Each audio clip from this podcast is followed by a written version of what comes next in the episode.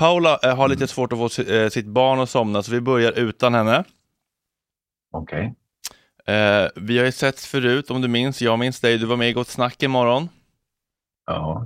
Det, då var det väl ganska tidigt in i kriget, jag minns inte exakt när det var, jag minns att det var en, en fredag och vi pratade lite grann om då pratade vi lite grann om vad vi trodde skulle hända liksom efter kriget, eller vad som skulle kunna hända efter kriget, så att säga. Och jag minns inte riktigt eh, vad vi sa då, helt ärligt, men eh, nu har vi väl lite mer ändå att ehm, Nej, vi har ju inte facit, men vi har ju ändå en, en process som har fortgått så att säga.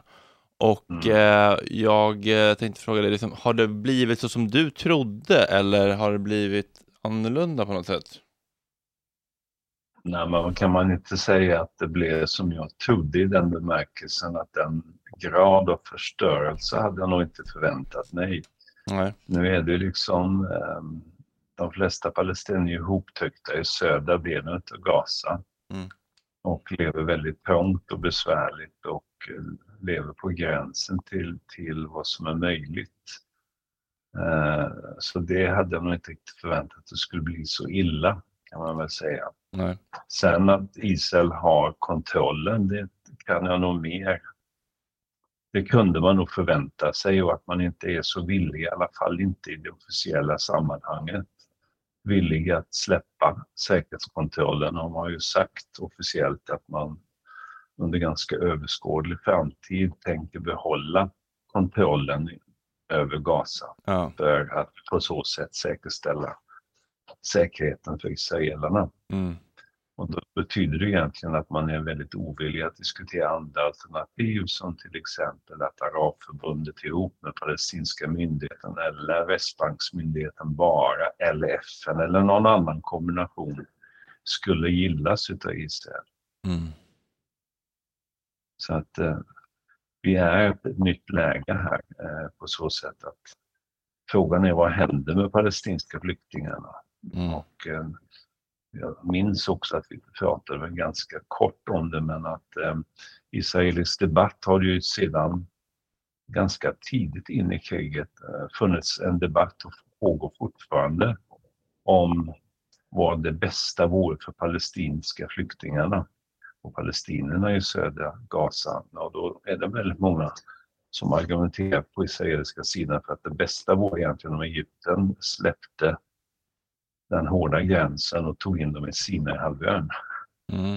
Eh, och Egypten har ju istället då sagt att, har gått den hårda linjen och sagt att om de fortsätter markoffensiven mot den absolut sista delen av Gaza, då riskerar Israel att, att fredsavtalet som slöts 78-79, eh, alltså Camp David-avtalet mellan Egypten och Israel, Mm. att den kommer brytas. Mm. Eh, Så att det känns inte i dagsläget som att eh, Egypten är särskilt intresserad av att ta emot palestinska flyktingar och för övrigt så skulle det ju räknas som en del i en, i en genocide Mm. om Israel faktiskt genomförde något sånt här. Så att det är ett kritiskt läge för att palestinska människorna behöver mat, de behöver mediciner, de behöver hjälp på alla möjliga sätt och vis i detta läge och vi hör ju vittnesmål om att de äter gräs och att de har besvärligt med att få in livsmedel. De använder liksom djurfoder eh, istället för ja, människoföda med mera för att Mm. ta sig igenom dagarna där man knappt får, får det som behövs. Är det ett brott att sätta sig på vägen och förhindra leveranser av förnödenheter? Ehm, du tänker nu på de israeliska Ja, eh, civila som har protesterat och har försökt blockera Ja. Ja, det är det ju självklart. Israel har ju ett ansvar av att se till att människors väl och ve eh, tas om hand under kriget, eh, de civila. ja. Och att då finns människor som blockerar det här, det är ju en skandal. Ja, men jag tänker alltså för individen. Hej Paula! Tjaba. Har du börjat med suddig bakgrund nu? Ja, jag hade det när jag spelade in podd häromdagen, så nu orkar jag inte byta. Ah, okay. Har du träffat eh, Mikael förut? Nej, jag har bara lyssnat på Mikael förut i både Gott Snack och i Haveristerna. Mm. Hej, hej, trevligt att ses. Det ska bli väldigt spännande detta. Vi pratade bara precis pratat lite om um, vad vi pratade om i Gott Snack senast, hur, hur, hur Mikael trodde att det skulle bli efter, efter kriget. Och nu uh, mm. pratade vi bara lite kort om, uh, jag frågade om det var ett brott att, um, att förhindra lastbilar med förnödenheter att ta sig in i Gaza, men uh, är det liksom brottsligt för individ, för liksom man kan, man kan väl se det på två sätt, att det är liksom individer, men så kan man också säga att, att eller kan man se det som att staten är ansvarig eller liksom kan man, kan man liksom för varje individ säga att du begår ett brott som sitter på marken här framför en lastbil? Liksom? Mm. Ja, de som blockerar har ju ett individuellt ansvar. Men det är också staten Israel som har ett ansvar att se till att de civila palestinierna får den hjälp de behöver. Mm. Mm. Så att det är lite dubbla ansvar, men å andra sidan, det är inte lika lätt att ställa Israel till ansvar. Eh, då måste du upp i någon internationell domstol och sen räcker det inte med att domstolen dömer Israel utan då ska också Israel följa de regelverk, alltså de beslut som har fattats. Mm. Men mm. det är inte säkert att man gör. Och Nej. Eh, det är uppenbart att um, eh, beslut om att Israel skulle göra sitt bästa för att förhindra genocide eh, än så länge inte har efterlevts i den grad som någon domstolsandan fattade sitt beslut om. Nej. What's on your mind Paula? Har du följt eh, nyhetsutvecklingen i, i, veckan senast? Jag har varit så jävla illa berörd att jag bara uh, inte kunnat titta typ på vissa bilder. Jo, men jag, jag har följt en hel del och det jag tycker är mest intressant är ju att eh, ett flertal länder nu har tagit beslut om att stoppa all vapenhandel med Israel. Mm.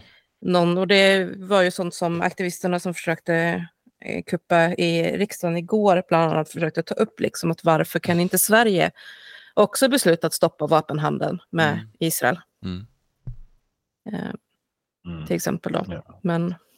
Jag såg också att eh, flertal anglosaxiska länder som Australien, Nya Zeeland, Kanada tror jag också med här, gick ut med att säga att det är dags för ett eldupphör. Det mm. visar också att det internationella trycket inom västalliansen nu börjar kalkylera, alltså man, man står inte ensidigt bakom USA och Israel på det sätt som varit tidigare. Så att jag föreställer mig att Biden-administrationen hamnar i det läget som de flesta bedömer säger att förr eller senare så kommer amerikanerna säga nu räcker det. Mm. Det är dags för ett eldupphör. Mm. Men huruvida man vågar under en kritisk valkampanjstid i USA eller inte, det återstår att se. Ja, det där är väldigt spännande och um, ja, man vet ju inte hur, hur mycket kommer krävas liksom, för att det ska, de ska våga säga så. Ja, mm. historiskt sett så har de ju sagt det långt tidigare. Det har inte alls gått så här långt som det har gjort denna gången. Det är ett historiskt unikt eh, läge där amerikanerna tillåtit väldigt mycket dödande. Mm. Eh, men som sagt, jag tror även för Biden-administrationen börjar det bli besvärligt. Pratar vi om eh, attacker på Gaza specifikt bara historiskt eller Ja, om man bara tittar på de konfrontationer som varit mellan Gaza, alltså Hamas i Gaza och Israel. Det har varit ett antal konfrontationer. Första större eh, konfrontationen var ju 2008-2009. Då, då dog 1400 ungefär. Eh, och, och då hamnar man ju i ett långt tidigare stadium Israel hade gått in en bit men liksom var inte alls så långt in och hade inte kontroll på samma sätt som man har idag. Mm. Mm. Jag ska bara...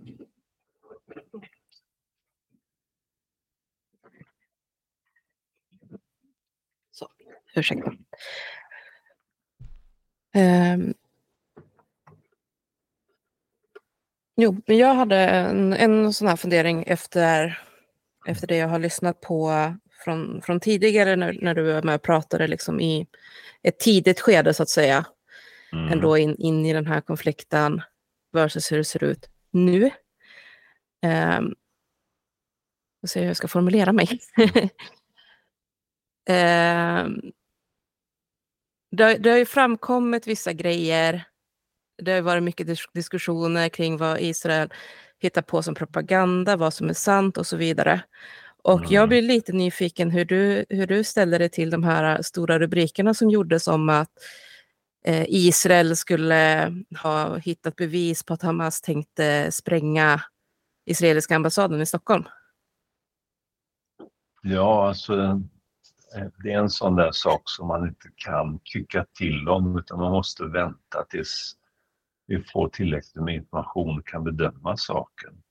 Det enda jag kan säga är att eh, om det stämmer så är det väldigt olikt det Hamas har alltså gjort historiskt eh, i, i andra länder. Det är liksom böjt mot allting man har gjort tidigare. För man har hela tiden haft fokus på ockupationsmakten Israel och inte liksom riskerat att förstöra relationer i andra länder och så. Mm. Eh, ett annat exempel är också att Hamas har ju liksom baser eller politiska högkvarter på lite olika ställen i arabvärlden. Då har man ju varit mån om att inte blanda sig in i de interna angelägenheterna. I Libanon till exempel så var det ju väldigt kritiskt läge 2013 eller var det möjligen strax innan årsskiftet 2012 så dödades en inrikesminister av en bomb. Eh, då blev Hamas istället medlare mellan de olika parterna för att liksom lugna ner situationen så att de inte skulle hamna tillbaka i det hemska inbördeskrig som man har haft. Mm. mm. Så att då ge sig på en ambassad i ett annat land, det verkar som en pennbrott. Å andra sidan så kan man också vända på steken och säga att den 7 oktober, den attacken var ju minst sagt överraskande och chockerande. Det var inte många som hade trott att Hamas var kapabla att genomföra något sådant. Det har inte heller hänt historiskt på det sättet. Mm. Så att, eh, men jag skulle vara extremt försiktig med all sån information för det tillhör alla krig, inte bara det här kriget, att propagandan finns där man försöker demonisera sin fiende på alla sätt och vis och då får man liksom avvakta och se sen när historien mm. har gått en tag och man får fram nya källor och information om det verkligen stämmer det här. Mm. Det verkar ju inte så Men det smart. Tycker... Nej. Men jag tycker det är läskiga på ett sätt också med, med propagandan så här att, att det blir ju mycket det som sägs först som, som sätter sig. Mm. Jag tänker till exempel på, alltså så sent som idag hade jag en diskussion med en pro-Israel som benhårt höll fast vid det här att Hamas har halshuggit 40 bebisar. Mm. Jag sa det, fast de israeliska myndigheterna själva har gått ut och sagt utav, alltså utifrån då folkbokföring eh, deras version av personnummer och sådär, att det är 37 personer under 18, alltså 37 barn, som har blivit dödade totalt. Då är det ju en omöjlighet att det finns 40 halshuggna bebisar. Och han mm. vände sig och bara, nej, det finns 40 halshuggna, Hamas halshugg 40 bebisar. Mm. Jag läste i massor av källor. Mm. Jag bara, jo, mm. fast till och med Israel dementerade. Hur kan du fortsätta tro på det då, när till och med Israel själva dementerade? Mm. och det är det som är obehagligt på något sätt med de här... Det här med att vi demoniserar och tar man då ställning i en konflikt så är det väldigt svårt att se mm. Allt det som passar in i ens konfliktnarrativ om den andra personen eller aktören eller vad det kan vara i gruppen. Eh, det är väldigt svårt att släppa fast du får liksom källor som pekar på att så här är det. Mm. Mm. Eh, jag vet att eh, jag som håller på med det här med konfliktnarrativ och det finns ju massa israeler som har gjort forskning på det här. Mm. Vad hände 1948 när den stora flyktingdramat startades och palestinska mm. flyktingar drevs på flykten? Nu vet vi från israelisk forskning att, att eh, det var militären som drev palestinier huvudsakligen iväg. och en viss terrorism dessutom, alltså där vissa judiska grupper gav sig på en by och dödade civila. Alldeles oavsett om det liksom var, var ett medvetet mördande eller om det var så att man misstog de civila för andra. Det spelar i det här sammanhanget ingen roll.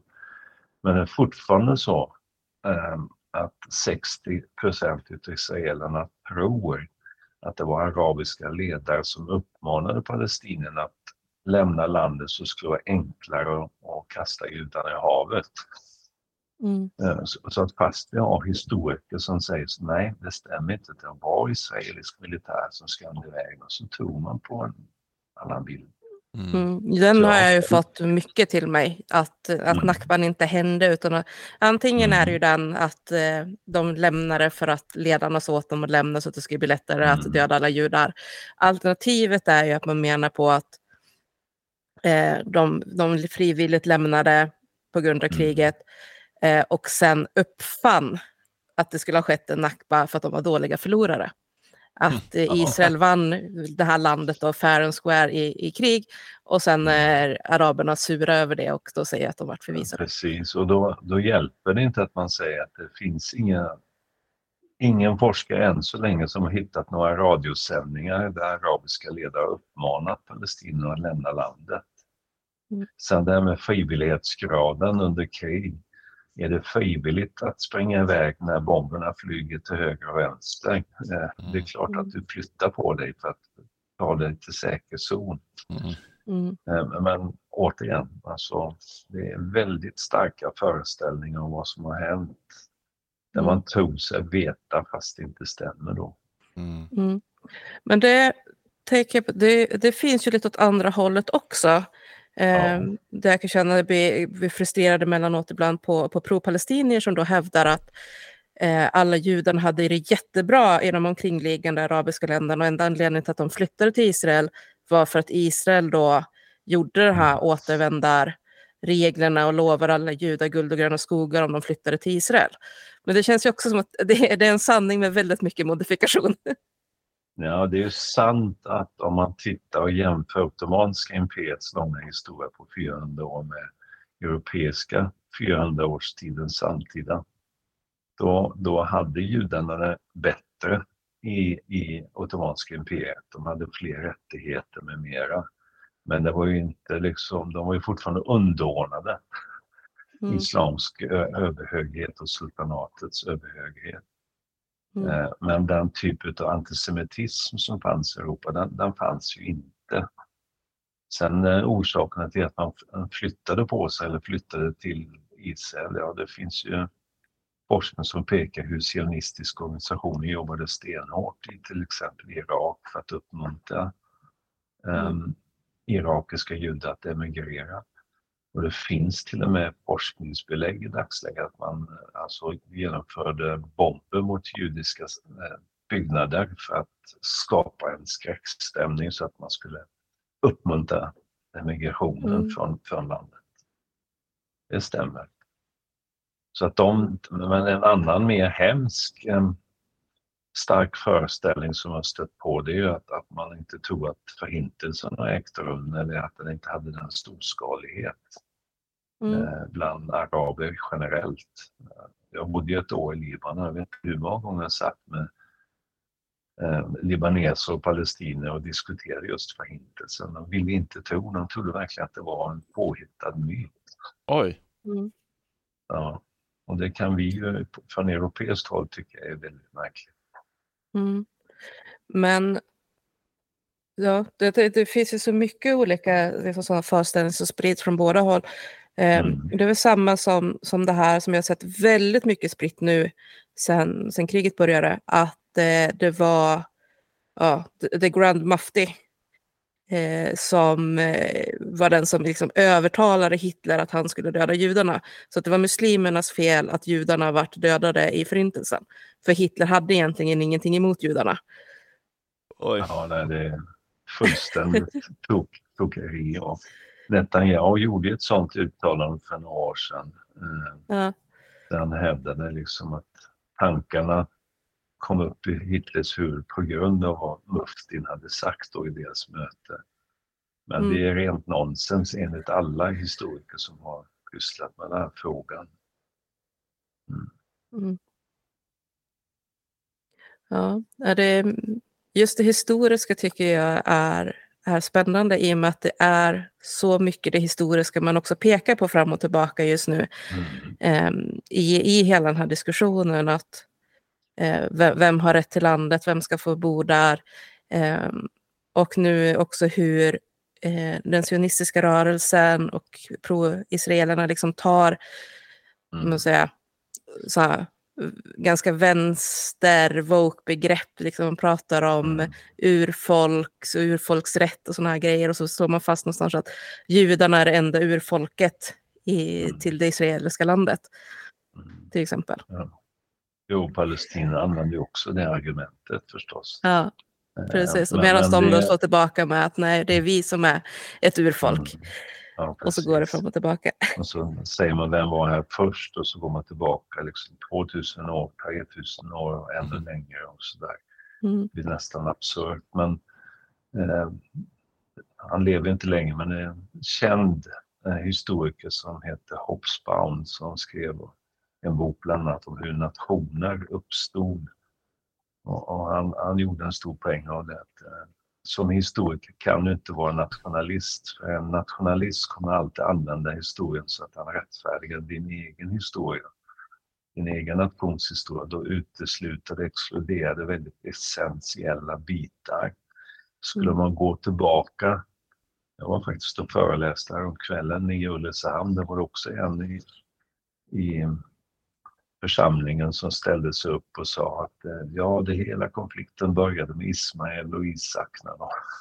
Mm. Eh, Det står så i Bibeln. Alltså, liksom, skulle man gå tillbaka i historien till den tiden och se hur olika folk befann sig i det här området så skulle det bli ett virrvarr av olika grupperingar, etniska, nationell, nation kan man inte ens tala om förrän den moderna staten kommer till. Men, men både israeler och palestinier och alla sådana här nationella rörelser, även när svenskarna någon gång i Mm. tiden byggde sin stat, eh, rättfärdigar historien genom att lägga den till rätta och exkludera som sagt då andra som har funnits här och inkludera bara det som passar den svenska modellen om det handlar om Sverige. Så Mm. gör också Israel och palestinier. Så skulle man vara stenhård i sin granskning så blir det ju svårt eh, det här med nationsdefinitioner. När blev egentligen den palestinska nationalismen till? Forskarna säger ju att den här större massanslutningen i breda massor, det var först på slutet på 60-talet. Det var ofta tidigare mer kopplat till den panarabiska nationella tanken om att man ville skapa en gemensam arabstat där då kolonialmakterna Storbritannien och Frankrike framför- framförallt hade ritat upp en ny karta Mellanöstern och styckat upp det som så småningom blev de här konstgjorda staterna, sa araberna. Men panarabismen har ju dött ut i princip. Och palestinsk nationalism var en av de som fick då företräde, skulle man kunna säga. Och den sionistiska historien, eller den judiska nationella historien, den är också jättemodern. Varför var det eh, slutet på 1800-talet som tanken kom upp? Att man skulle skapa en judisk stat åt judarna. Under 2000 år har man inte diskuterat det, men helt plötsligt så kom en sån tanke. Ja, det hänger förstås ihop med nationalismens framväxt och tidevarv. Mm. Mm. Har, förlåt, dum fråga, men har Palestina någonsin varit ett riktigt eget land? Vem sa du? Har, pa- Palestina? har Palestina någonsin varit ett riktigt eget land enligt vem det nu är som bestämmer det? Eh, nej, det har inte heller Israel, Israel varit före 1948. Mm. Man hänvisar ju till kung, kung David och kung Salomons tid och så vidare, men det svårt att hävda att det var nationalstater i den bemärkelsen. Mm. Eh, och som sagt, det var ett tag sedan de fanns, 3 500 år. Mm. Mm. Eh, Sen var ju liksom Palestina ett distrikt inom Storsyrien eh, som var en del av det ottomanska imperiet. Så att Irak fanns överhuvudtaget inte i en modern konstruktion. Mm. Mm. Alltså en grej som jag har riktigt, riktigt svårt med med hela den här nationalistiska tanken, Mm. egentligen oavsett om det gäller eh, palestinska sidan eller israeliska sidan, men kanske lite extra kring, kring den israeliska sidan i och med att de, de är lite så här att hävdar att ja, men, eh, europeiska judar som har befunnit sig i Europa i 2000 år är ändå egentligen urfolk till Israel i Mellanöstern. Mm. Eh, och, och det som skaver för mig, och det kommer väl kanske liksom delvis då utifrån från min position som adopterad och därmed inte född i Sverige och så vidare, det är ju att jag själv ganska ofta i det svenska samhället, speciellt nu då när nationalis- nationalismen i Sverige går framåt igen, möter den här liksom tankegången, du vet, eh, Sverigedemokraterna drar till med ibland sådana här grejer, om en, om en katt föds i ett stall blir den en häst. Och man liksom trycker på det här någonstans att är man inte rakt nedstigande led på något vänster då, ättling till vikingar, så är man inte en äkta svensk. Och det sionism, den sionistiska rörelsen gör på något sätt med att säga att de europeiska judarna egentligen är eh, urfolket till Israel, är ju någonstans att säga liksom att det spelar ingen roll att vi har befunnit oss i 2000-2500 år eller något sånt där, bort från det här landområdet. Det är ändå det landområdet som vi egentligen tillhör, egentligen är hemma i. Vi hör inte hemma i Europa. Och då bekräftar man ju hela den här bilden någonstans av att är man inte från första början uppstånden från ingenstans på någon vänster liksom i ett visst område, ja då kan man aldrig egentligen bli en del av det området. Mm. Och jag har och extremt, extremt svårt för hela det, den idén liksom. Ja, alltså det är en jättekänslig fråga du reser.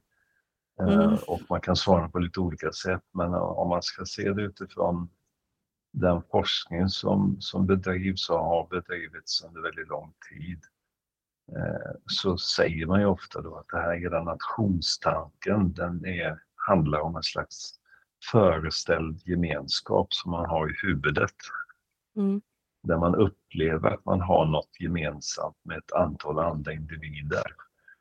Eh, och då menar ju de som och tittar lite noggrannare på det här, att staten har blivit en slags medium mellan individerna. Så att till exempel när vi på 60-talet alla tittade på en tv-kanal eh, kring ett program så pratade vi om det sen på jobbet dagen därpå och så vidare. Vi upplevde att det hängde ihop eh, på något sätt. Sen om vi faktiskt hade så mycket gemensamt eller inte kan man ju diskutera. Eh, om norrlänningen hade kanske mer gemensamt med de som var på andra sidan gränsen om Haparanda än, än vad skåningarna har med, med danskarna och sådär. Men, men upplevelsen var att vi tillhör samma gäng då. Sen finns det ju en tradition, det var ju väldigt mycket den tyska nationstanken.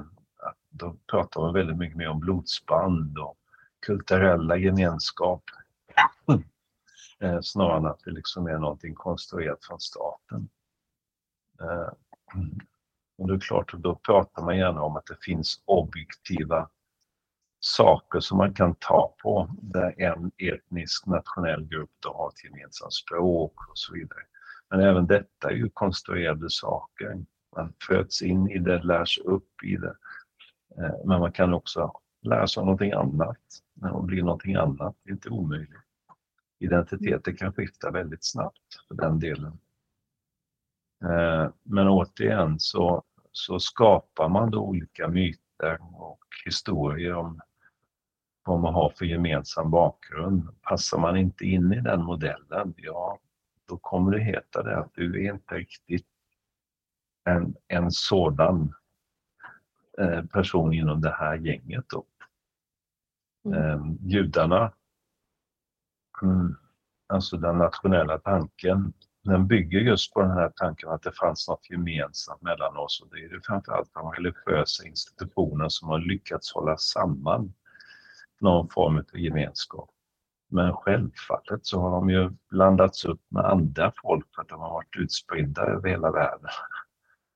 Eh, annars skulle man inte kunna förklara varför det finns väldigt många blåögda israeler med blont hår som kom från Nordeuropa ursprungligen och så vidare. Alltså i, vilken bemärkelse har man samma etniska bakgrund annat än att man har en föreställning vi har judar, vi är judar, vi har samma synagoga och samma religion. Mm. Um, men, men det är så vi människor funkar. Vi vill gärna tillhöra en grupp. Det är en sak att tänka att vi alla har en gemensam identitet som människor. Vi är alla mm. en del av människor, släktet. Och det är också helt okej okay att säga att man är unik som individ. Men just det här mellannivån, alltså, grupperna, grupptillhörighet, det är det lite besvärligt. Mm. Men där kan man också titta lite på det här som jag tycker är ganska intressant ur just nationsskapandet och så.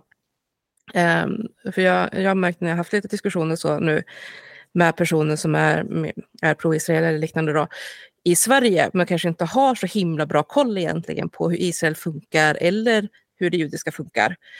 Uh, och jag hamnade till exempel med diskussion med en person som inte visste att man i princip inte får prata eller lära ut jiddisch i Israel. Han förutsatte ju någonstans att det var en självklarhet eftersom jiddisch är det judiska minoritetsspråket i Sverige. Eh, men, men lyfte liksom det att ja, fast i Israel är det ju hebreiskan. För att just ja. få det här nationella.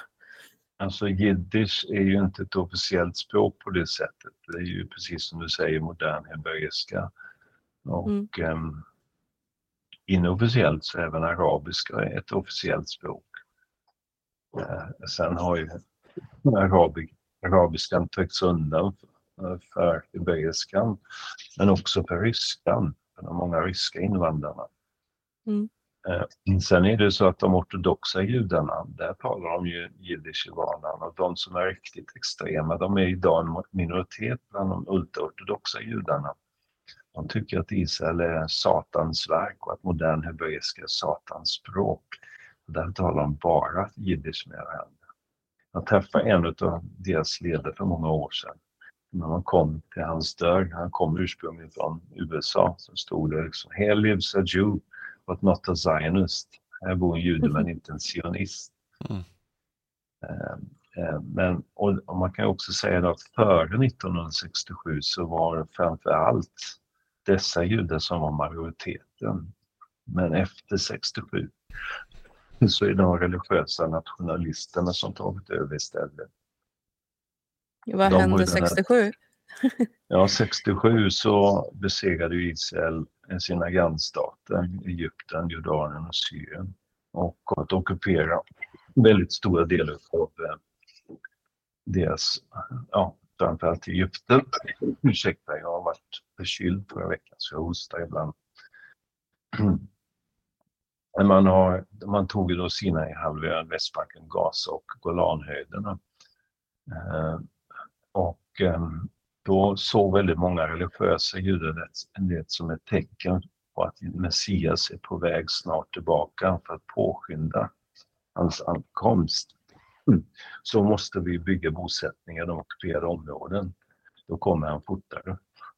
Det gick stick i stäv med vad de ortodoxa ultraortodoxa tänkte sig. De hade ju sagt i alla år att håll er till Toran, eh, var, var liksom religiöst um, asketiska och så vidare, följ de reglerna så kommer han så småningom, vi vet inte när.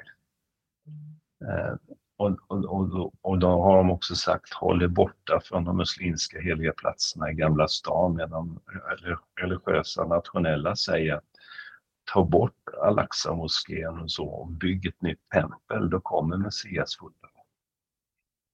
Så det, det, är helt olika föreställningar som alltså kopplar samman den nationella idén om det judiska samhället och staten med religiösa förtecken då, fast man gör det på helt olika sätt. Mm. Ja, det är väldigt intressant, för som lekman så trodde jag nog jag, eh, innan jag satte mig in i någonting, att så här, ja, men ortodoxa judar, liksom, ju mer jude, ju mer pro-Israel. Liksom. Tänkte Ja, man alltså idag är de en majoritet, så väldigt många ortodoxa judar har gått åt det hållet. Och det, det glömmer man också ibland att de flesta bland dessa religiösa judar, de använder ju demokratisystemet för att komma till makten. Skulle de få majoritet så skulle de avskaffa demokratin och införa halacha, alltså den religiösa lagen. Så här finns det också en djup splittring mellan de sekulära och de religiösa judarna i israeliska samhället. Mm. Och de, de, det var därför vi fick ett parti, ett av oppositionspartierna, eh, eh, med eh, partiledare Lapid, kom ju till, var hans pappa som grundade partiet, kom ju till som en respons, vi måste stoppa det religiösa inflytandet på staten. Mm. Man är väldigt, väldigt bekymrad för Israels framtid. Men visst är det vissa av de lite mer, eller lite mer, men utav de så att säga, extremare partierna där då som är dels väldigt religiösa, dels vad vi kanske skulle säga då som högerextrema. Mm. Eh, det är ju egentligen väldigt extrema nationalister som eh, Netanyahu och det säga Likud då, samarbetar med just nu för att ha makten. Ja, verkligen. Och Likud eh, och Netanyahu är de mest moderata i den här regeringen. Vilket Mm. säger en hel del. Och så har du då sådana som Smotrich som är finansminister och du har Gvir som är, ja, är han, polisminister och ansvar för inre säkerhet. Mm. De är extrema högerreligiösa nationalister Mm. eh, som i princip också tillhör de i det här gänget som uppmuntrat eh, tanken om att man ska åter eh, ta och bosätta Gaza helt och hållet och göra sig av med Palestina och flytta på dem till Sinai. Eh, jag var själv då under hösten 22 i Israel och Palestina för att genomföra fältarbete. Då var han, innan han blev polisminister, var han ute på gatan med pistol och tyckte man skulle skjuta på demonstrant, palestinska demonstranter.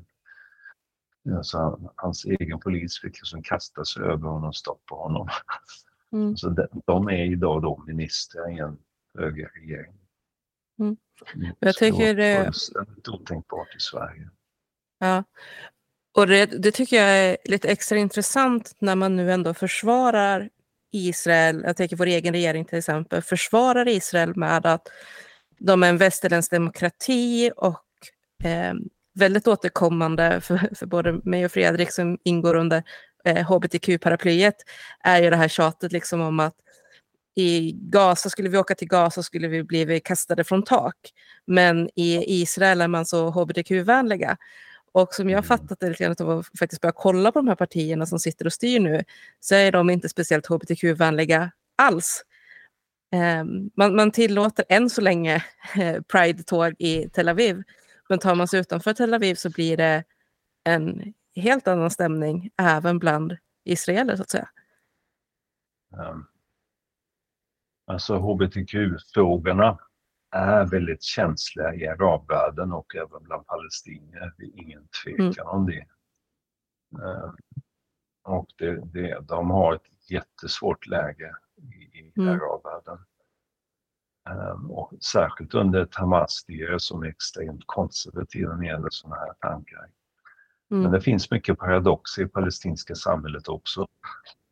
Mhm. Det är till exempel så att väldigt många kvinnor som blivit Hamas-medlemmar har gått med i Hamas, inte för att de tycker att Hamas är fantastiska när det handlar om jämställdhetsfrågor till exempel, utan tvärtom eh, så är de väldigt konservativa även där. Men kvinnorna tycker att inom Hamas har de större manöverutrymme inom ett redan patriarkalt palestinskt samhälle. Mm. Eh, Går man in i Fatah så skulle de gamla männen köra över dem i alla fall. Men inom Hamas så har man en demokratisk struktur för hur man fattar beslut. Vilket gör, möjliggör då en diskussion och ett beslutsfattande på gräsrotsnivå på ett helt annat sätt. Och då kan du få igenom små reformer. Eh, För oss inga steg alls, men för dem är det gigantiska steg, alltså varje framgång. Mm. Eh, Så är det där. När det gäller då hbtq-frågorna inom religiösa delen i Israel. Precis som du säger, det står inte högt i tak. Och då är det så att, eh, ja, Tel Aviv, det är inte bara Tel Aviv där det står högt i tak, men Jerusalem är ju extremstaden i så mått att där är 95 procent religiösa, eller mycket religiösa. Eh, så ser inte resten av Israel ut i stort. Eh, Jerusalem är verkligen undantaget. Och där är ju förstås de här högerextrema krafterna som starkast. Ehm, eh, och, där står ju förstås det sekulära mot det religiösa samhället i konflikt med varandra kring de här typen av frågor. Sen är det ett faktum att eh, den här demokratifrågan är också, eh, alltså statsvetaren vill ju gärna se på helhetsfrågan då. Mm. Men jag vet att det är rätt många i nu som delar upp det i, i tre olika system där man säger att du har ett system för israeliska judar och det är förvisso demokratiskt, precis så som många då proven, israeliska vänner brukar lyfta, den enda demokratin i Mellanöstern. Men det är sant att för de judarna så har vi en fungerande demokrati. Det är också mm. sant att minoriteten israeliska palestinier, ungefär 20 procent, kan rösta och ha vissa rättigheter, men de är också enligt all forskning som har pekats på eh, andra klassens medborgare i Israel och de har ju ofta under väldigt lång period och försökt göra sin röst hörd och få samma rättigheter som övriga israeliska judar har. Eh, och det är intressant då för att man skulle kunna tänka sig att de är snart för en, att, att få komma till en palestinsk framtida stat. Det är de faktiskt inte intresserade av utan de vill ha samma rättigheter som israeliska judar. Och den eh, diskrimineringen har djupnat kan man säga med varje högerregering som kommer till Israel. Och konfliktlinjen har blivit djupare. Och den eskalerade år 2000 när eh, eh, under en fredlig demonstration när polisen öppnade eld och dödade 13 israeliska palestinier. Sedan dess liksom, skadorna inte riktigt reparerats. Mina egna undersökningar på 90-talet när jag skrev en avhandling om israelisk integration, då, då såg man tydligt att de israeliska palestinierna eh, hade stora förhoppningar på att man var på rätt väg. Och, och eh, palestinsk identitet spelade allt mindre roll just då, men nu är den liksom jätteviktig igen. Sen har vi då det tredje systemet och det är eh, vad många israeler nu kallar för ett eh, apartheidsystem i Västbanken och Gaza.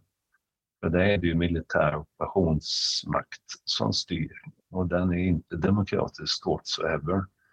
Eh, den har, de i princip alena rådande bestämmer över allt. Så även om palestinierna har ett visst mått av självstyre i ungefär 5% av områdena på Västbanken så är det en chimär um, autonomi skulle man kunna säga. Så, så fort någonting inte passar i Israel så har man marscherat in med militär i de här områdena och hämtat de personer man anser vara farliga för Israels säkerhet. Eh, så tar man de här tre systemen sammantaget så, så har Israel allt svårare att nå upp till demokratinivån. Och vi har ju en berömd ny databas i Göteborg hos statsvetarna, VDM-projektet, som mäter demokratinivån och demokratitillståndet i världen. Där ser vi också att Israels demokratinivå har sjunkit dramatiskt och är på gränsen till att inte klara målen. Mm. Och det hänger förstås ihop med det jag precis har pratat om. Mm. Men är det att det har blivit värre eller att vi har fått syn på hur jävligt det är? Det har blivit värre, eller hur menar du nu? Ja, men alltså, om, alltså är det att vi har fått information om hur, hur illa det är bättre och vet mer? Mm. Eller att det har blivit värre? Är det därför de sjunker? Nej, men vi har vetat detta jättelänge.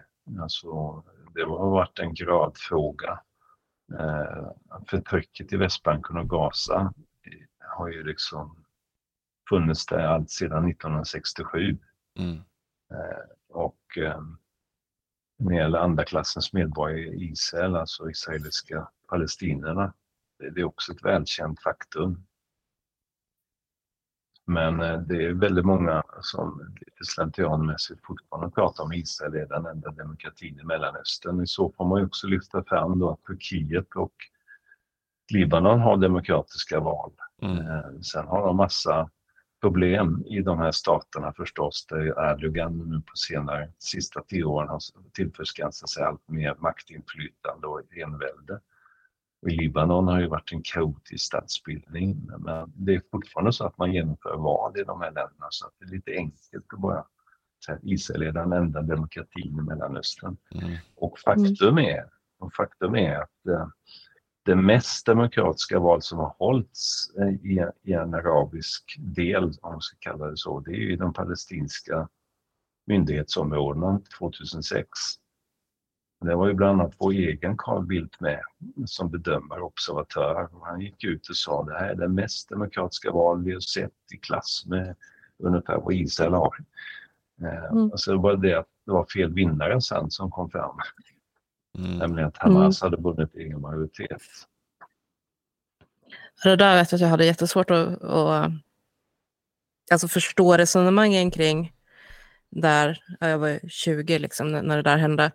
Just att, att jag inte kunde liksom fatta det här att man hade pratat så länge och kämpat så länge om, om liksom att det måste hållas demokratiska val i, i Gaza och så går man ut och säger att det var ett demokratiskt val och sen satte man in jättehårda sanktioner för att de valde fel. Mm. Det var lite så här, bara, hur, hur får ja, västvärlden ihop det här? Det var många saker som gick fel.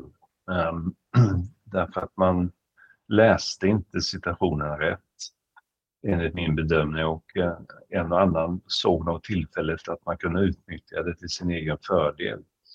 Alltså efter valet då 2006 uh, så Alltså man ska komma ihåg att Hamas gick in i valet med valprogram där man sa vårt förslag är att vi ska um, göra en utredning internt inom PLO och ta hand om deras korruption, se till att det är en bättre organisation och så sa man vi vill gärna gå med i PLO för vi behöver samla palestinierna i relation till, till Israel för att bli starkare i våra förhandlingar. Och eh, man ville ha en samlingsregering egentligen fast man hade fått egen majoritet. Och det hade man sagt före valet redan. Och Fatah var ju i alldeles inledning goda förlorare tycktes det. Där man sa att eh, vad trevligt. Mm, nu får ni se hur kul det är att sitta med israelerna. Varsågod och ta över makten. Vi tänker inte ingå en samlingsregering. Eh, men ganska snart så visade det sig att man hade andra ambitioner. Ville kuppa mot Hamas. Och det blev man ju förstås hjälpt med i, tillsammans av både Israel och USA. Eh, och det kom ju fram sen ett år sen att man hade försökt med en kupp som Hamas avslöjade i sista sekund och kastade ut Fatah från Gazaremsan där kuppen skulle, ha, skulle äga rum. Och det är inte någonting jag hittar på, det finns liksom CIA-dokument och annat som har visat att det var så. Eh, och responsen kommer omedelbart där då Fatah med Israels hjälp kom att kasta ut Hamas från Västbanken så tog man över kontrollen. Så att den Västbanksmyndighet som etablerades den har egentligen ingen legitimitet utifrån hur valet gick till. Mm. Och man kommer ju då arrestera alla parlamentariker på Västbanken. Så försökte Väst Hamas fortsätta styret från Gaza sammankallade parlamentet där bara Hamas-parlamentarikerna kom men inte oppositionens. Så det var liksom bara ett skådespeleri. Men, men eh, det som var olyckligt också var att under den våren 2006 så diskuterade man internt i Hamas huruvida man skulle eh, gå med på att erkänna Israels rätt att existera eller inte. Då är det så att man har väldigt långsamma eh, ursäkta, långsamma beslutsprocesser i Hamas. alla på gräsrotsnivå ska säga sitt och det måste ske i hemlighet, alltså inte israelerna upptäcker dem och så. Um, och innan de hann komma med ett beslut, även om det hade indikerats från vissa toppledare att man hade positionsskifte på gång, då sa internationella samfundet, EU, USA, Ryssland och FN hmm, att ni måste nu senast visst datum acceptera Osloavtalet, erkänna Israels rätt att existera och avstå från allt våldsanvändande. Och sen orkar man inte invänta beslutet så gick man ut. Ni, ni har inte sagt att ni står bakom det här. Och så klippte man banden med Hamas. Mm.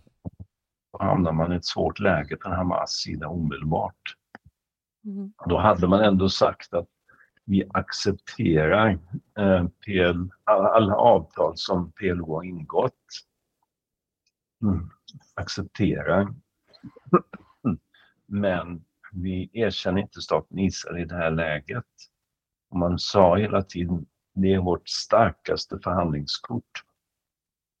Eh, det släpper vi inte. Vi har sett vad som händer när PLO erkänner Israel och sitter i eviga förhandlingar och kommer inte framåt. Varför ska vi släppa bort det starkaste kortet? Och det blir förstås en låsning då.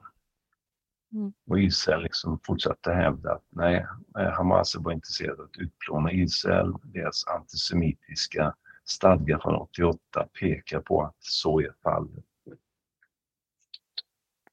Ja, hur mycket... Och då kan man säga att man missade ett diplomatiskt tillfälle. Hade man haft tålamod, öppnat upp kanaler, så är min bedömning att Hamas var redo att gå in en annan väg än en uh, terrorns väg. Mm. Jag kan ju också säga att um, uh, Hamas-ledningen har egentligen aldrig riktigt relaterat till 88 års stadga man var besvärad utav den och jag vet då att eh, det var ungdomar som skrev ihop det här och de i toppledningen de hann inte ha en slutdiskussion om formuleringarna i den och det är ingen tvekan att den är antisemitisk i flera av stadgan. Men den trycktes upp på alla väggarna i Gaza framför allt. Då var det för sent att ta tillbaka det. Och det var mitt mm. under första intifadan de liksom hade en kamp med Fatah om vem som skulle representera palestinska folket. Mm. Men sen kom ju en reviderad version 2017 när man tog bort alla de här antisemitiska formuleringarna. Mm. Och de, de åren mellan 2008 och egentligen redan 2005, men fram till 2010 ungefär, så jobbade man på att försöka få till en diplomatisk lösning och indikerade att man var redo i princip att diskutera tvåstatslösningen. Och man la in en stadga till och med där, där man sa att eh, folket, palestinska folket, om de röstar för en tvåstatslösning som den permanenta slutgiltiga förslaget, då, det är inte vårt favoritförslag, men då står vi bakom förslaget. Mm. Och där missade internationella samfundet att ta upp den tråden, som jag ser det. Mm. Mm. Um, det, det, det, förklarar ju också lite av den här diskrepansen som finns mellan 88 års stadga för Hamas och vad det finns. Alltså det finns ju inspelade intervjuer med Hamas grundare liksom, som, som sitter och pratar där 88-89 om att det här handlar inte alls om judarna, det handlar om staten Israel och vi vill bli ett fritt folk. Mm. Vi hade eh, slagits vi, mot alla vi, vi, vi vill gärna, precis, ja vi hade slagits med alla som gör så här. Och att de också säger, eller han också säger liksom det här att vi, vi kan definitivt tänka oss att liksom leva i fred sida vid sida med judarna. Eh, men inte under det här förtrycket eller en stat som förtrycker oss på det här sättet. Mm. Den videon får man inte lägga upp, den blir nedtagen direkt kan jag säga. Ja, den blir blockad. På, då får man skäll av Instagram. Mm. om man försöker posta det, för då säger de att det är att supporta en terrororganisation om man lägger mm. upp det. Ja. Jo, men så är det ju. De har ju fått terrorstämpeln och då, då hamnar man i ett, alltså utifrån ett konflikthanteringsperspektiv så försvårar det möjligheterna för parterna att komma framåt. Mm. För då kan inte andra tredje aktörer hjälpa till på, på samma fria sätt. Mm. På gott och ont. Då. Och jag brukar alltid mm. säga det, vem har inte blod på sina händer i den här konflikten? Mm. Det, det, tycker jag är ganska intressant utifrån, alltså när man pratar om hur, hur hemska Hamas är och, och liksom så här, hur lite det pratas om de bevis som finns på hur Netanyahu liksom har, har stått och pratat om varför Israel behöver stötta Hamas, skicka pengar till Hamas och så vidare. Och man väl också sett att de har, har bidragit, alltså stöttat att pengar har kunnat komma från Qatar till Gaza eh, och så vidare. För att jag vet ett, ett tag som jag sett med, med Netanyahu som kanske är tio år gammalt eller något sånt där, då står han ju och pratar om att det liksom är superviktigt att inte släppa på stödet till Hamas eftersom det är eh, en av de viktigaste verktygen för att förhindra att palestinierna går samman och försöker bilda en, en egen stat.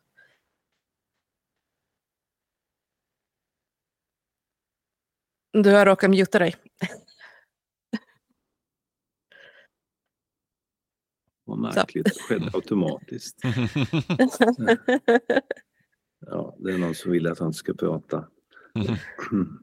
Um, nej men det är precis som du säger att det är mycket propaganda i den här konflikten där man då säger saker och ting som um, demonisera den andra sidan. Men det är ju självklart så att Hamas har ju ett ansvar för mycket av de terrordåd de har genomfört, det våld de har använt. Mm. Jag har suttit i många långa samtal med de absoluta toppledarna om, om jag har försökt förklara, förstår ni hur israelerna känner sig rädda eh, när, när ni spränger er själva i luften på bussar med mera. Alltså den panik och så. De är totalt oförstående först, men de har ju atomvapen och en av de starkaste försvarsmakterna i hela världen. Varför skulle de vara rädda? Mm.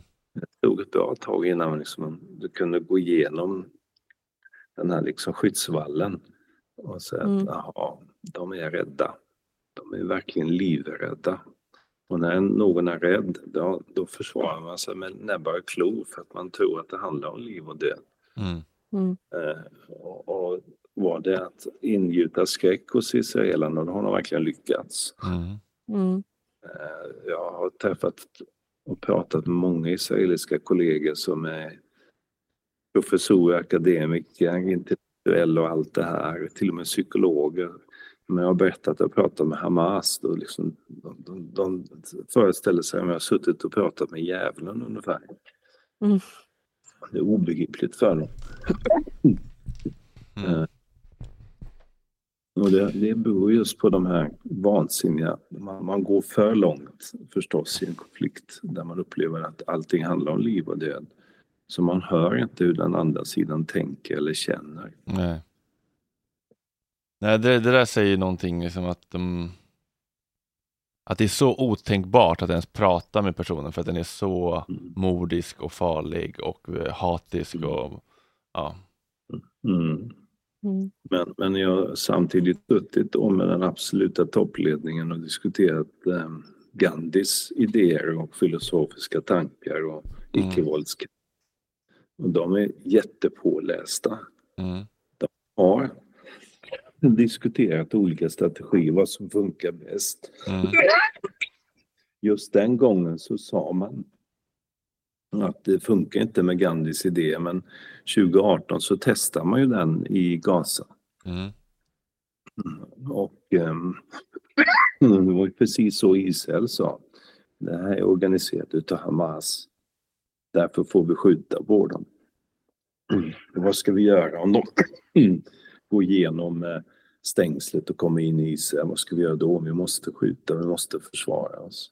Mm. Det finns det skrifter som pekar på att alla är terrorister. Det är inte barn och civila och handikappade journalister utan det, det är terrorister. Eh, och då drog Hamas slutsatsen, det funkar inte med icke-våld. Nu anser jag då fortfarande att man organiserade helt tokigt, man gjorde det på helt tokigt sätt och man inkluderade inte Västbanken, man gjorde det inte på ett storskaligt sätt. Det finns massor man kan säga. Men, mm. men man tog den slutsatsen, då funkar inte det här, då får vi fortsätta med den väpnade kampen. Mm. Vad är det? ju mer man, Mm. Var det då när de gick mot, mu- mot stängslet, väldigt många människor? Och, Exakt, Ja. exakt så. Det mm. var ungefär samtidigt som Trump då, hans administration eh, erkände Jerusalem som Israels eviga huvudstad. Och man hade demonstrationer samtidigt som, som man skrev på papper och firade att Jerusalem nu officiellt fick en amerikansk ambassad. Just det. Och det är klart, då, då missar man en annan väldigt viktig dimension att media, uppmärksamheten var ju framförallt på, på Jerusalem som huvudstad snarare än palestinierna Mm. i Västindien. Så att eh, man, man, tyvärr så misslyckades den kampen och det är fortfarande så att den mest vanligt förekommande eh, motståndsmetoden som Palestina använder är civilt motstånd. Men media lyfter ju omedelbart upp det här väpnade våldet som används Mm. förstås. Jag, det är jag tänker de, mm. de klassiska bilderna av motståndet är väl egentligen pojkar med slangbälla och småsten som står och skjuter mot stora tanks. Liksom. Mm. Mm. Det är en väldigt vanlig bild. eh, Men, men åter där igen, eh, det är inte icke-våld om du kastar sten. Ja, och det är någonting som israelerna också utnyttjar Mm. för att legitimera eh, fredliga protester, säger ni, det är liksom livsfarliga. Då brukar de alltid, alltså israeler brukar alltid peka på dilemman som de har då i försvaret, så brukar de säga liksom, står det en liten treårig flicka i ett, ett litet hörn runt en bergsknalle så vet vi inte vad som kommer bakom henne. Och vi vet inte om hon är farlig eller om hon bara är där helt utan en slump. Eh, För hon kanske är där för att se terrorister som ligger bakom den här vägknuten och väntar på oss. Ska vi då oskadliggöra henne eller inte? Det har vi ett dilemma. och det blir ju fullständigt absurda grejer men det är så man ofta tänker. Mm. Men det är ju ganska tydligt också nu när eh, Israel uttalar sig om dödstalen i, i Gaza. Mm. För eh, ja, men siffrorna nu runda slänga 30 000 dödade. Mm. Och eh, förra veckan så sa ju Netanyahu att de hade ju dödat någonstans 15 till 20 000 Hamas eh, stridande, vilket är då ish hälften av alla eh, Hamas stridande som de hävdade fanns i Gaza innan kriget började. Eh, men det innebär ju också att de menar att i princip alla vuxna som har blivit dödade är Hamas-terrorister. Eventuellt också en del av barnen. Mhm. För annars går inte siffrorna ihop. Mm, Ja, den där är lite lurig. Ehm, Jag har själv funderat på, alltså de första dagarna eh, när då Hamas gick in i, eller i kibbutzerna och städerna, Sderot bland annat. ehm, Då hävdades att 1500 Hamas eh, att, att, attacker, terrorister eller attackerare eller hur man ska säga, hade dödats. De finns inte med i diskussionen längre. Var har de försvunnit någonstans? Det. Mm. Och det sägs ju också att det finns 6000 ungefär som är saknade i Gaza. Mm. Utöver de här som officiellt har sagts är dödade. Eh, vad är det för några? Är det Hamas fighters eller är det civila eller inte? Alltså, Mm. Det där med siffrorna. Eh, förstås vill Israel lyfta att de har dödat många Hamas-anhängare. Eh, samtidigt så om vi skulle ponera att de har rätt, att det är 20 000 som har dödats, så är det fortfarande så att det finns väldigt många Hamas-fighters kvar. Mm. Ehm, och de ger ju inte upp uppenbarligen. Ehm, och de, alltså Sinwar själv, Gazaledaren, som de nog väldigt gärna skulle vilja ha tag i, död eller levande. För då kunde man någonstans säga att nu har vi uppnått ett, ett av våra huvudmål. Ehm, men han är ju beredd på att dö, han räknar inte med att överleva, det är helt klart så. Mm. Så man är långt ifrån från det man säger att man ska utrota Hamas helt och hållet. Samtidigt som de här siffrorna måste tas med en nypa salt. Det är jättesvårt att få det verifierat. Mm. Även siffrorna vad gäller då från Hälsomyndigheten. Ehm, vi kan inte vara säkra på att det är 28 600 någonting som jag läste idag. Men vi vet historiskt att andra bedömare har kommit in i de tidigare krigen och då har de siffrorna stämt som Hälsomyndigheten har gått ut med. Mm. Så att sannolikheten är väl större att, att, de här siffrorna stämmer i alla fall. Men Israels siffror mm. har ingen aning.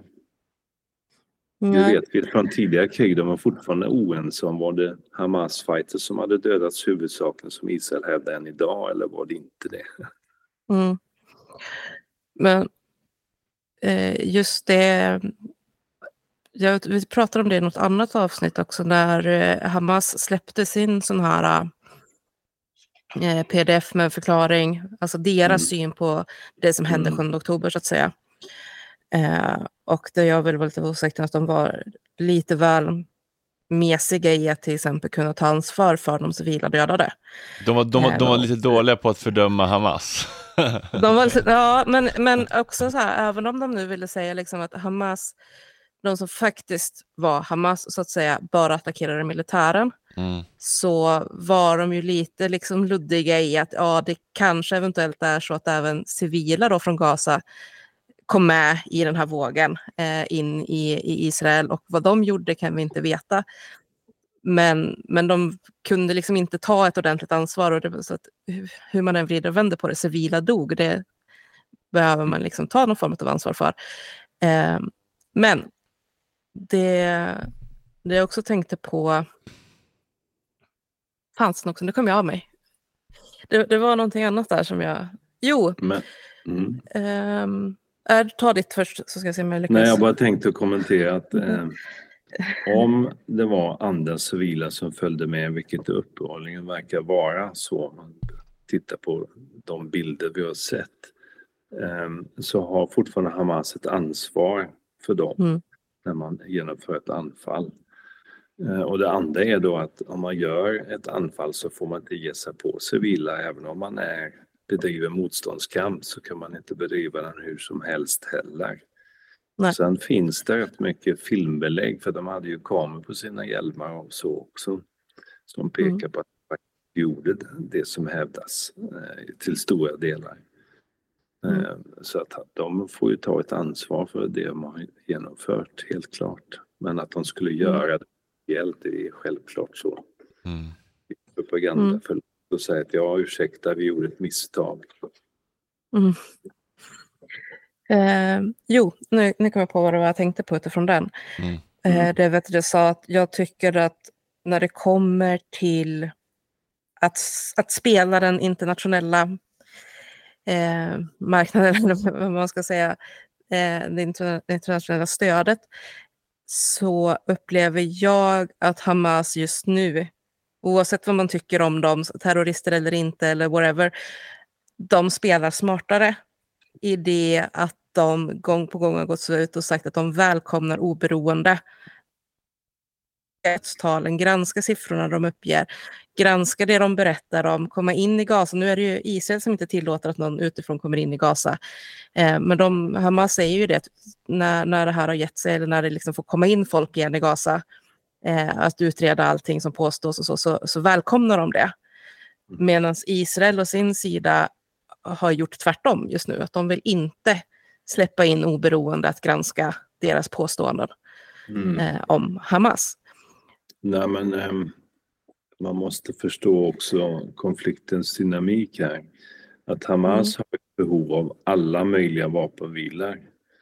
Eh, mm. Men just nu upplever de att de sitter på starkare kort. Därför kan de också vara mer öppna och välvilligt inställda till internationell granskning med mera. Men, men eh, det är helt klart så att om deras syfte var med attacken att få den palestinska frågan på den internationella agendan igen så, så lyckades man. Men mm. priset är väldigt, väldigt högt. Så även mm. om Eh, opinionsmätningar pekar på att stödet till och med ökar för Hamas på Västbanken och så, så det är högst oklart hur man ska tolka vad som sker i Gaza. Det kommer en dagen efter och jag tror det är rätt många palestinier som är besvikna över vad som har hänt. Mm. Och besvikna kanske det mildaste ordet. Eh, Man kommer säkert vara fruktansvärt upprörd över vad Hamas har ställt till med för lidande. Mm. Eh, Så att eh, för den politiska makten är inte så given post Gazakriget. Nej, och jag vet inte om jag tolkar helt galet, men jag tänker att en del av liksom förklaringen på något sätt är att stödet ökar så pass tydligt på Västbanken. Eh, Medan det är ganska omöjligt att säga just nu hur, hur det ser ut i Gaza, för det finns inte riktigt möjlighet att genomföra någon storskalig undersökning i rådande situation så att säga. Eh, kan ju också ha att göra med det faktum att de på Västbanken eh, de upplever ju inte fullt ut den, den typen av bombardemang och så vidare som de i Gaza behöver genomlida just nu. Men de känner ju fortfarande av en del av effekten med att man faktiskt har ökat våldet från bosättare och från militären på Västbanken sedan 7 oktober. Eh, vilket kan ju ge den här känslan av att vad vi än gör så slår Israel ner på oss och Hamas har åtminstone gjort någonting. De har försökt slå tillbaka och så ökar Mm. stödet tills vidare åtminstone för dem. Ja, men så är det ju. Eh, Och, och jag menar, det, det, Khalil Shikakis och hans organisation som genomförde opinionsmätningen som pekade på att Hamas stöd hade ökat. Han gjorde även undersökning i Gaza och den var också, det fanns ett stöd för Hamas.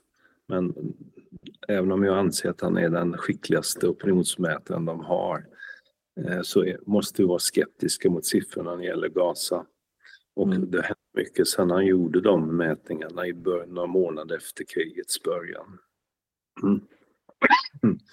Och ehm, eh, det resonemang du, du driver här, det, det stämmer ju. Alltså många palestinier upplever ju i Västbanken att åtminstone fick Hamas upp den här frågan på internationell agenda. Bosättarvåldet fanns där redan, ja det tilltar. Flera av oss blir dödade och fängslade. Men Mm. nu finns det en möjlighet kanske. Mm. Så säger alla. Eh, Det kommer inte vara samma läge som det var innan 7 oktober. Vi kommer få ett nytt internationellt läge. Och det är därför det blir intressant att se då om Biden-administrationen som antytt sedan ett bra tag att man vill få en tvåstatslösning till stånd nu. Om man, om man driver den, Mm. eh, då, då är det ett ny, helt nytt läge. Jag tror ju för sig då att eh, det kan bara ske efter valet i USA, inte innan. Så att det kommer avgöra lite grann. Vinner Trump så har vi ett helt annat läge mellan oss. Det kommer gynna israelerna. Mm.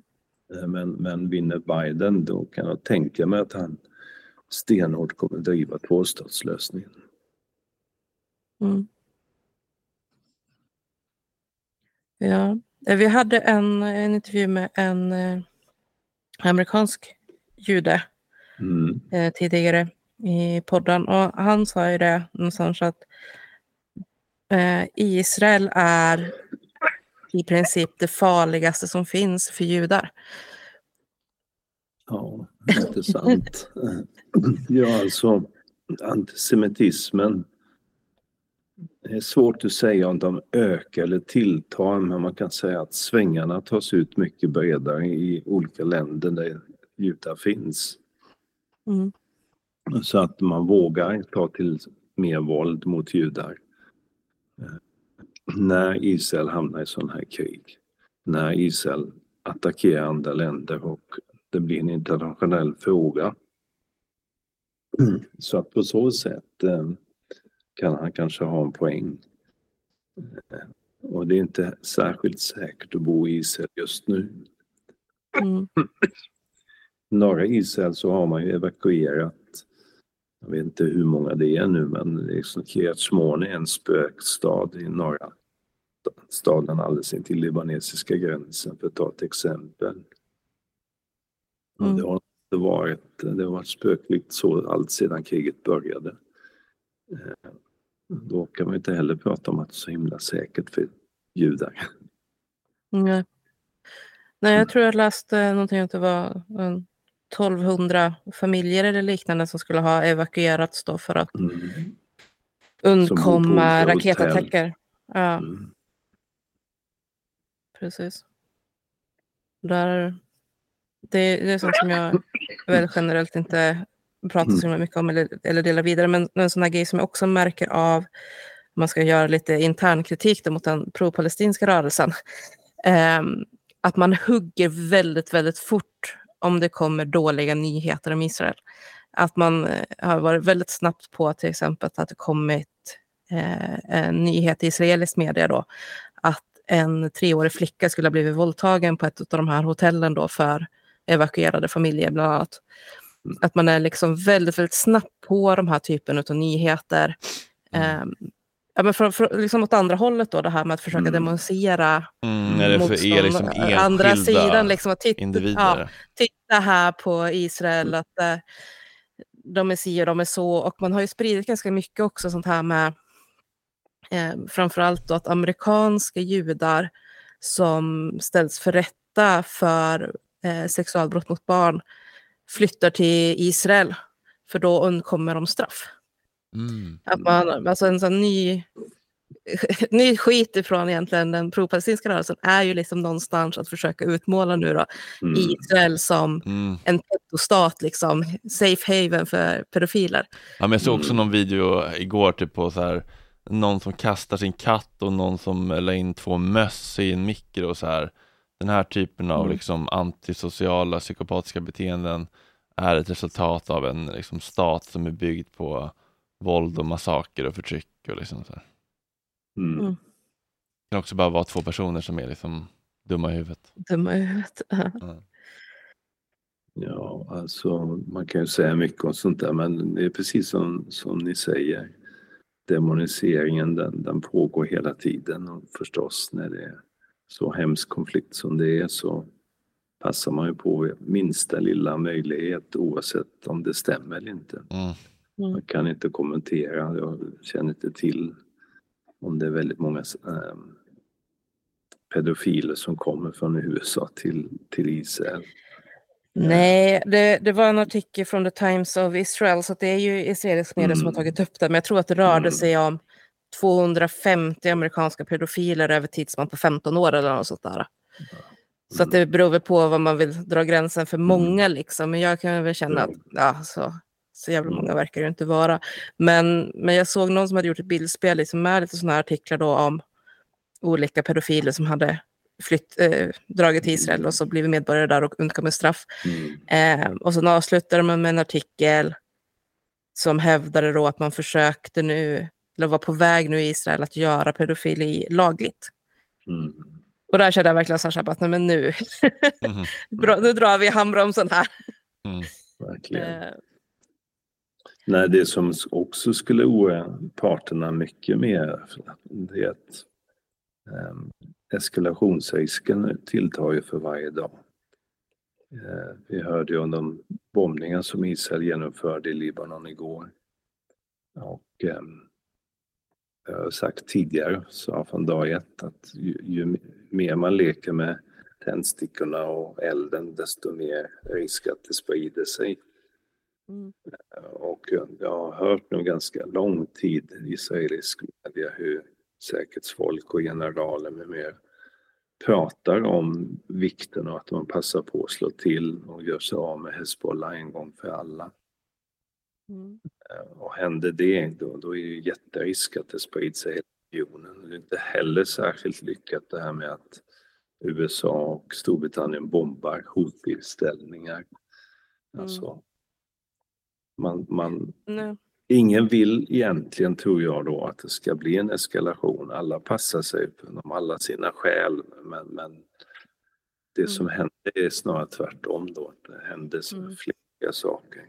Och rätt som det är mm. så smäller till. Och då... det, Då kommer när- palestinska frågan att hamna i skymundan igen. Mm.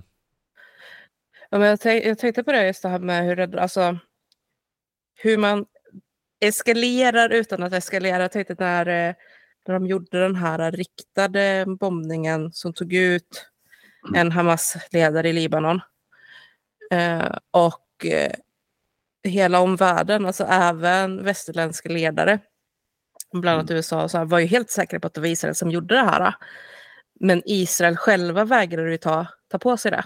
Jag tror fortfarande inte att de fullt ut har tagit på sig det.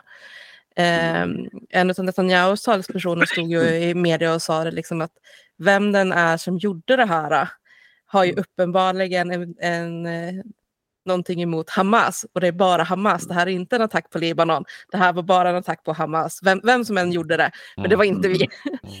eh, och jag tänkte, för det, det kom ju väldigt kort tid efter att USA ändå hade gått ut och sagt att attackerar ni Libanon så kommer inte vi att backa er. Men attackera Libanon först, då kan vi Mm. backa er.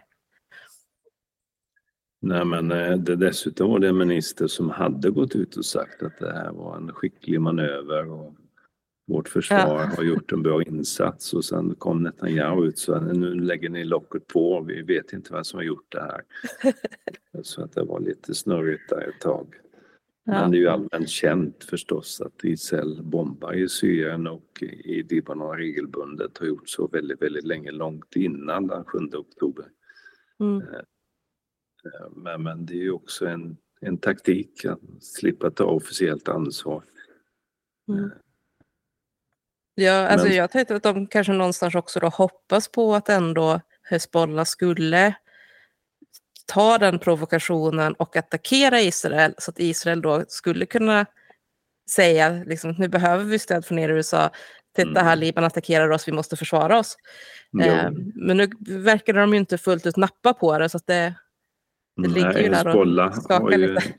fortfarande färskt i minnet 2006 års krig där man fick ta mycket kritik för att man hade gett sig på Israel med missiler och Israel invaderade Mm. och försökte slå ut Hezbollah. Det lyckades man ju inte med men eh, det var mycket kostsamt för, för förtroendet i det libanesiska samhället för Hezbollah.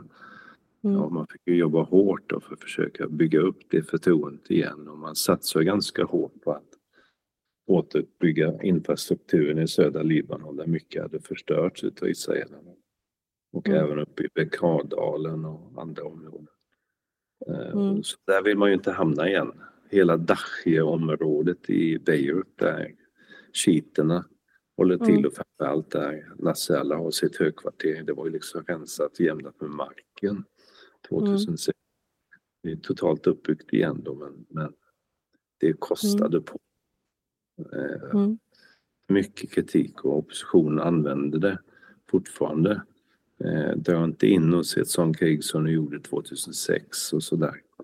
Så, Mm. så man, nog, man vill nog inte ha en eskalation. Mm. Men jag, alltså just utifrån det här med att inte eskalera så, så har jag ju väldigt svårt att förstå logiken i att man faktiskt började bomba i Jemen och, och det man säger är Houthi eh, anläggningar på ett eller annat sätt. När de facto de inte egentligen hade gjort någonting. Alltså de stoppade ju upp fartygen. Men fram tills bombningarna började så hade de ju inte skadat eller dödat någon till exempel. Så de, de stoppade skeppen och det är väl provokation nog kanske, men ändå liksom så att det är Mm. klart att det är, någonstans måste det ändå vara värre att faktiskt börja bomba folk versus att stoppa ett fartyg. Mm. Nej, men det har alltid varit USAs och stormakters sätt att agera, att straffa hårt. Nu har det gått för långt. Det är vad som händer om det inte slutar så tror man att det slutar. Men eh, det brukar inte funka så bra den, den där taktiken, snarare tvärtom. Mm. Slut så kommer två, Alltid pa- nytt våld. till slut kommer två plan in i skyskrapa eller så blir det den 7 oktober.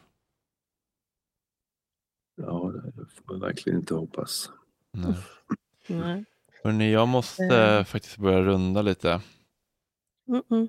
Jag har ju lite morgonradio. Mm. Morgonradio kommer jag på att göra. Ja. Mm. Men eh, det känns som att eh, Mikaels enorma kunskap skulle man kanske kunna få öppna luckan till någon mer gång. Om, om ni vill ha mig så får ni höra av er så får vi se. Mm. Ja. Jag kommer höra av mig. Mm. Ja, men Det är ju det är väldigt eh, mysigt att lyssna på någon som kan mycket. Det är min favorit. Jag blir lite så här, jag blir nästan som en lyssnare då, som bara sitter och myser. Mm. Det låter bra. Mm. Fast jag hoppar sönder halva programmet men får se hur ni hanterar det. Nej, det var ingen fara. Ehm, ja, men, eh, tack för ikväll och eh, vi hörs igen helt enkelt. Tack själva. Det gör vi. Ha det så fint. Så så gott. Tack så mycket. Kram, kram. Ni med. Hej. Kram, hej.